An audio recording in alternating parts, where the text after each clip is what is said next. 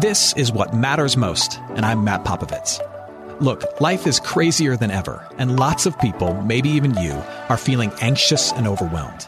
Today's message is designed to help you figure out what's most important and to experience the peace and joy that God intends for you.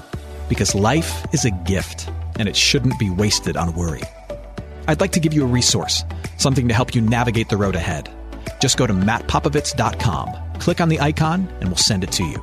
That's Matt, P-O-P-O-V-I-T-S dot com. And hey, if you happen to live in the Houston area, I'd love to see you on a Sunday morning at St. Mark in Spring Branch. Head to stmarkhouston.org to plan your visit. Here's today's message. Thanks for listening. So today we are we're closing out this time around, and, and what we're looking at are those those seasons and those moments in our life uh, where we get a second chance in something significant. And if we look at the landscape of our life, what we have to admit is that we get more second chances maybe than we, we tend to recognize.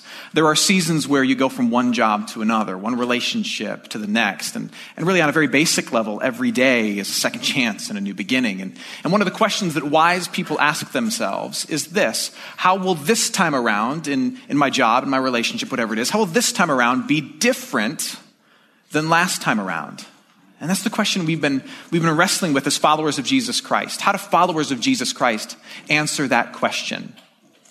And today we're closing it out with what I will admit is a, a very simple message aimed at a very select few people. It's a very simple message aimed at a very select few people. And you may fall into this category, you may not, but we're going to kind of together listen to these words. And I pray that if you, you fall into that category that, that we're speaking to this morning, that this would encourage you and help you. Uh, today we're going to close this series by talking uh, to those who are deeply hurt by someone in their past. Uh, those of us who, who, when we look at our life, there is maybe one moment that stands out as being transformative for us in a not so positive way. Or there is, is one face that, that, that comes to mind for us that kind of sticks with us on a regular basis as someone who has had an impact on us in a less than beautiful way. We're talking to those who have been deeply hurt by someone in their past. And the message for you is this that if next time is going to be different than last time, what you need to do and what I need to do is we need to let them go. That's what we're going to talk about. Sometimes the reason we hold on to the hurts from the past is because it gives us uh, what, like a counselor would call validation, which means that it makes you feel okay about yourself. Like as you go into the future, if life melts down and then something goes sideways, you've got a really good excuse at your, at your side. Well, my mom was horrible, right? gives me value. I'm okay because look at what happened to me in the past. Or, or, sometimes we hold on to our hurts from the past because it gives us orientation. What I mean by that is that it helps us know where we are in life. Sometimes something so bad can happen to you, so significant can happen to you, that you spend the rest of your life measuring time against it. It's been two years since he left. And the idea of moving forward in your life without that hurt, holding on to that story of how you've been harmed, of moving forward without really clutching it tightly, feels foolish. If I don't hold on to this, how am I going to feel justified? If I don't hold on to this, how am I going to know where I am in life, right? I can't let go of this. I need this for the future. This is where the Word of God comes in. And, and this morning we find ourselves in the New Testament book of Ephesians, chapter 4, and there's a, there's a pastor named Paul whom God is using to speak to a church in an ancient city called Ephesus. That's why we call it the book of the Ephesians. He's writing to the Ephesian people in the city of Ephesus, but God is also using him to speak to all of us today. And he's writing to a, to a church that was full of frustration and fighting a bunch of angry, hurt people in this church in this particular season. And so God uses Paul to speak to them about that, but it also speaks to us Listen to the words that Paul says. We're going to break these down a little bit. He says, Be angry and do not sin. Do not let the sun go down on your anger and give no opportunity to the devil. I'm going to read these words again. Be angry and do not sin. Did you know it's okay to be angry? It's just what you do in your angry that makes it a bad thing. Do not let the sun go down in your anger. In other words, don't let a whole lot of time go by before you deal with it and give no opportunity to the devil. Uh, what Paul is, is implying here is that holding on to the ways in which you've been wronged is not helpful. But instead, trying to deal with them and move on from them, that's the ideal. And what's interesting, he uses this, this, this interesting phrase. He says, give, give no opportunity to the devil. Other translations say, give no foothold to the devil. And, and, and what he's saying is, holding on to your anger doesn't make you extra strong like you think it does. It just makes you extra vulnerable to the evil and broken ways of this world. It doesn't make you extra strong. You think it does, but it makes you extra vulnerable. And it affects the way in which you live. And that's why Paul continues in verse 29. He has to not only say, don't hold on to it, but he has to say, and because you're holding on to it, I now have to tell you not to do this. Don't let any corrupting talk come out of your mouths, because when you hold on to bad things here, bad things come out here. But only such as is good for building up, as fits the occasion, that it may give grace to those who hear. And do not grieve the Holy Spirit of God, by whom you were sealed for the day of redemption. In other words, you were saved for better things than holding on to the bitterness of the past. Let all bitterness and wrath and anger and clamor and slander be put away from you, along with all malice. The idea here is like you have something in your hand and you put it on the cupboard and you lock the cupboard and you put it away and you go to work, you go to school, you go to your relationship without it. Put it away. You see, the irony is, we, we want to carry these ways in which we've been hurt because we want to avoid the pains of last time. And yet, by holding on to them, we allow that person to shape us and influence us this time. By trying to avoid the pains of what that person did in the past, you hold on to it, but by holding on to it, you give that person a voice and an impact in your future. I've got two more questions for us to wrestle with. First question is this, and if this really resonates with you, you might want to jot this down, like write a little email to yourself or send yourself a text message or jot this down. This is a really helpful question. I've asked myself this question at times. How is the hurt from my past affecting the trajectory of my future? How is the hurt from my past affecting the trajectory of my future? The second question is this, and this is, this is an even harder one, okay? But don't, don't mad at me, I'm just the mailman. I just deliver the news. I don't necessarily write it all, okay? How long do I plan to allow people who've mistreated me to influence me? How long do I plan to allow people who have mistreated me to influence me? For those of us who've been hurt, these are good questions. I bring it up for the same reason Paul brings it up. Because thankfully, there is another path. Thankfully, there is another way to approach your future. I bring it up because there is this promise that for those who are connected to Christ, there is a better path forward than simply holding onto your pains and dragging all this extra luggage into your future, right? So let me give you two things that the scriptures promise us, those of us who are here as Christians. First, and I'll explain this strange sentence immediately, Jesus offers a better companion for the future. And that companion for the future is himself. Let me explain this. You're going to take someone into the future with you. It's either going to be you holding on to that person who did something horrible to you, and they're kind of your companion for the future. It's like, come on, mom, I hate you, but I got to take you in the future because otherwise I don't got a good excuse, right? You're going to take someone with you. You're either going to take that person who did something to you in your heart and in your mind and kind of ride into the future with them, or you can take someone who did something for you, and that's Jesus. But there's only two seats, and you have one of them. So who are you going to take with you? The person who wronged you, and they get a seat right next to you as you navigate the future, or this person of Jesus Christ who did something incredible for you. And, and part of being a, a follower of Jesus Christ means that we begin to believe this truth that the work of Christ is more essential for my future than the wounds of my past. And for some of us, it's very difficult to believe that the work of Jesus Christ, who he is and what he's done and what he promises, is more critical for my future than the wounds of the past. You see, in, in, in Jesus Christ, what he offers us Jesus Christ offers us, and I'm going to use like big, nerdy, like $5 theological words here, but I'll unpack them, all right? In Jesus Christ, we have justification instead of mere validation. And there's a huge difference theologically. So, like, if I carry the person who wounded me along with me in my heart and mind, that may give me validation. It gives me a good reason for why things go bad, and I can find a way to make myself feel okay by pointing at them. I can make myself feel better in my own heart and in my own mind. But Jesus gives you something better.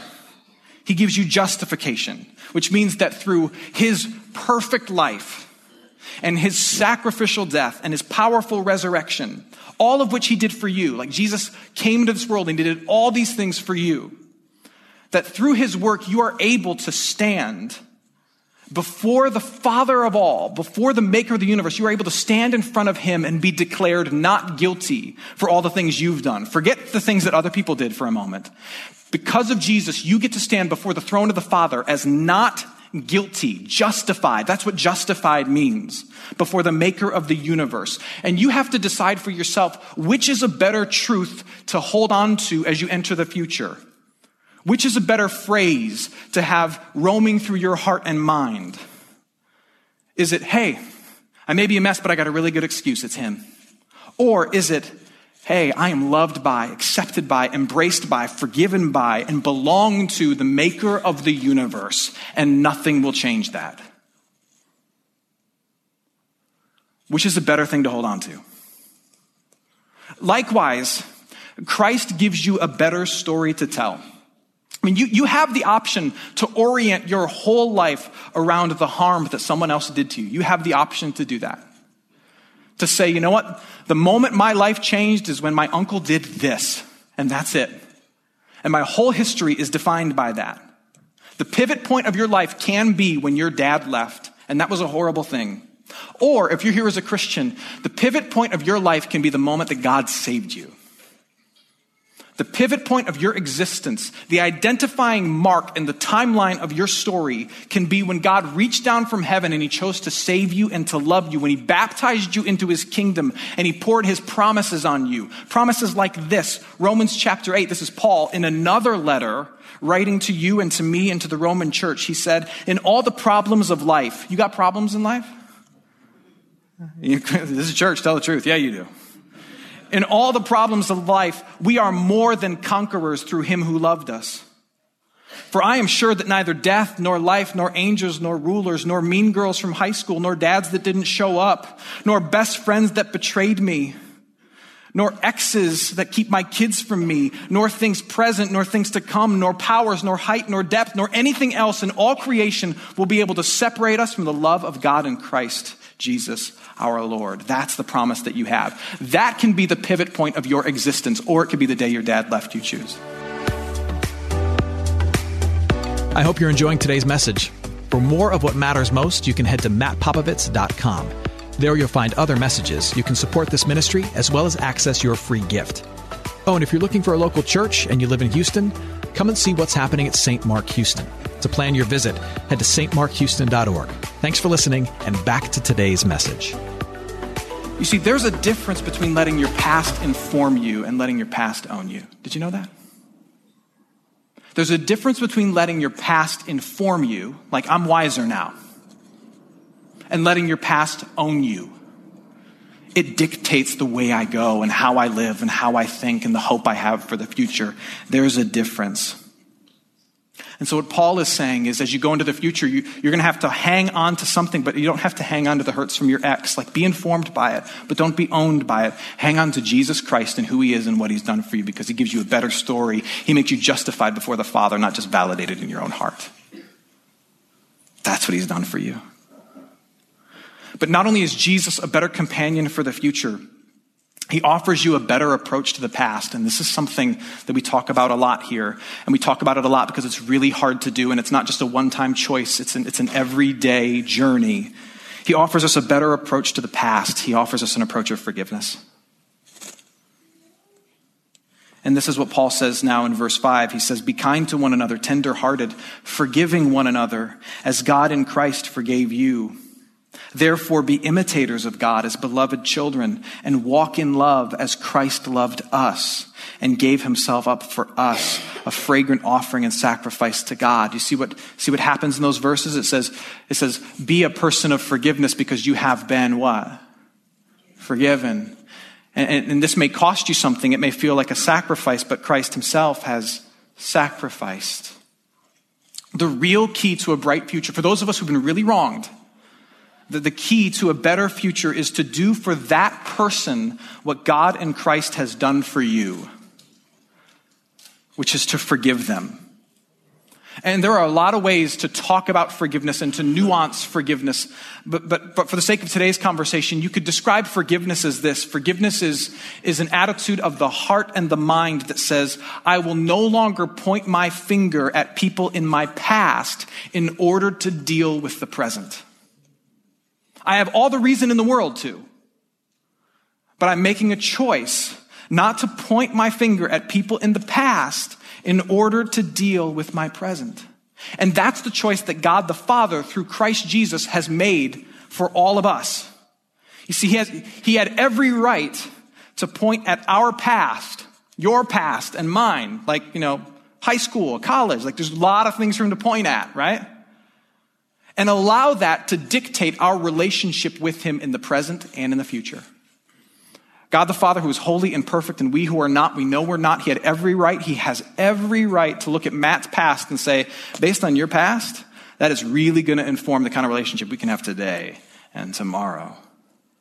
But he chooses not to do that. Instead, he offered his son, his, like this, this precious thing. He offers his son who lived perfectly, died sacrificially, rose gloriously in human history. He gave his son to cover over your past and my past, to pay for it, so that now, when he looks at those of us who've been connected to Jesus and baptized into Jesus, he does not see our past. Instead, he sees the perfection and the love of Jesus. We're forgiven, right? But that forgiveness count, comes at a cost. That forgiveness was not cheap. God the Father gave something precious in order to get that forgiveness for you. And, and what Paul is saying is there's a similar process for us. Those of us who have benefited from the forgiveness of Jesus Christ, we are called to imitate that forgiveness as we look at our past. And we are to sacrifice our precious possession as well. But your precious possession isn't your one and only son. Your precious possession is your right to be right and your right to be a victim. That's your precious thing. I was so wronged. I was so hurt. But you know what? You can't, you can't move forward into the future and hold tightly into your wrongs of the past. Like Jesus sacrificed, we sacrifice. We sacrifice our right to be wronged we say, I'm not going to point my finger at the past in order to deal with the present, and we move forward. And that, that isn't a one time thing, that's like a daily journey for those of us who have been wronged. It's, it's as if you, you say in your heart on a regular basis, and, and maybe even if you get the chance to say to that person, you say, I have learned from you, but I will not live my life pointing my finger at you. I'm going to set both of us free. That's forgiveness. You ever met somebody who, when you look at them, you just think, man, they've got their life put together, right? Like the way they dress is put together, the way they talk is put together. The way they, the way they stand at a party and chat with other people as you eye them from across the room is put together. And you think, man, they've, they've got it together. And then you get to know that person. You get to know that person and you realize that that person has, has this huge story in their past. Like they've got, they've got every reason in the world not to have it together. You get to know them and you realize that they've got a story of tragedy or struggle or something that happened to them. And you think to yourself, man, not only they're put together, but, but if what happened to them had happened to me, I, I don't know if I'd be able to get dressed, let alone to be at this party looking that good, right? One thing I've found in, in, in talking to people you know, as a pastor and just as a person, talking to people who've been through significant things and who, who have kind of moved from a past into a different future, is that at some point, at some point, they simply make a choice. At some point, there is a very conscious choice to say, I will not let my past dictate my future. I will move forward. My life has had enough pain. I don't need to drag that pain into what's left. And that's why Paul's language is so strong, is because he knows that the church in Ephesus, and really us as well, they don't have to make that choice. They don't have to make that choice to put their anger down and to be people of love and, and to forgive. They, they don't have to make that choice. That's why he gives us all these imperatives. That's why the verses we just read are just a list of imperatives. Just do this, do this, do this, is because he knows that leaving the luggage behind doesn't just happen. Like at some point, you got to decide. Like, like God will let you be a perfectly saved, perfectly forgiven, perfectly bitter person. He will let you do that. But I don't think you want to do that. I remember the moment where it hit me that forgiveness is a choice. I was in middle school, and um, I was riding in the back of a pickup truck um, with my cousins headed over to my parents' house after spending the afternoon playing with them. We were sitting in the back of the pickup truck, and we were, there were these pebbles in the back of the pickup truck, and we were kind of throwing the pebbles out the back of the pickup truck as the car was speeding down the road. And then all of a sudden, I saw this car pull out and behind us and catch up to us. And I, I saw that the car had a broken windshield on it. And the car flagged us down and pulled us over. And I realized that the pebble I had thrown had broken the windshield. But it gets better the person gets out of the car, and I realize it's the principal of my school. he gets out of the car, and he's very angry. And I think, my, the rest of my school existence is going to be a living hell, right? So the next thing I know is my parents have taken me to the office of the school where I am there to apologize to my principal for breaking his windshield while sitting in the back of my aunt's truck. And I look at him and I say, I'm so sorry and then in the spot where he's supposed to say, it's okay, in the spot where he's supposed to say, I forgive you, there was a long pause. Like a long pause. And I realized at that moment, like, oh, he, he doesn't have to forgive me. Like, he doesn't have to let me off the hook. Like, if he wanted to, he could choose to be mad at me for the rest of my school experience and just walk down the halls declaring the evil thing that I had done and breaking his windshield and making the rest of my school existence a nightmare. Like, if he wanted to hold on to it, he could. Forgiveness is a choice. You can drag the past into the future. You can lug big old boxes of pain into the next relationship, into the next job. You don't have to let it go. You don't have to make a different choice. But here's the thing maybe nobody else has ever told you if you've really been hurt. You can make a different choice. You can let it go. And I'm not saying it's easy. I'm not saying it's something you won't have to do more than a thousand times, but you can make that choice.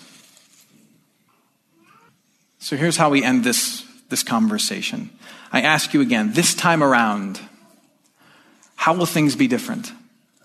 As you head into the next thing, just remember this that Jesus is a better companion for your future than the person who wronged you. Let them live in the past and let somebody else sit next to you. And forgiveness is a better choice in dealing with your past than holding on to it and measuring your life by it. Amen. Hey, it's Matt. I hope you enjoyed what matters most. Here's what I need you to know life is a gift, and it shouldn't be wasted on worry. I want to help you figure out what's most important and to experience the peace and joy that God intends for you. So, for more content, you can head to mattpopovits.com. That's Matt, P O P O V I T S.com. There you can also support this ministry as well as access your free resource, a little something to help you navigate the road ahead. I'd also love to see you on a Sunday morning. If you're in the Houston area, head to stmarkhouston.org to plan your visit. In the meantime, hit me up on Instagram at mpopovits or at facebook.com slash Matt Ministries. Thanks for listening. Now go and hold tight to what matters most.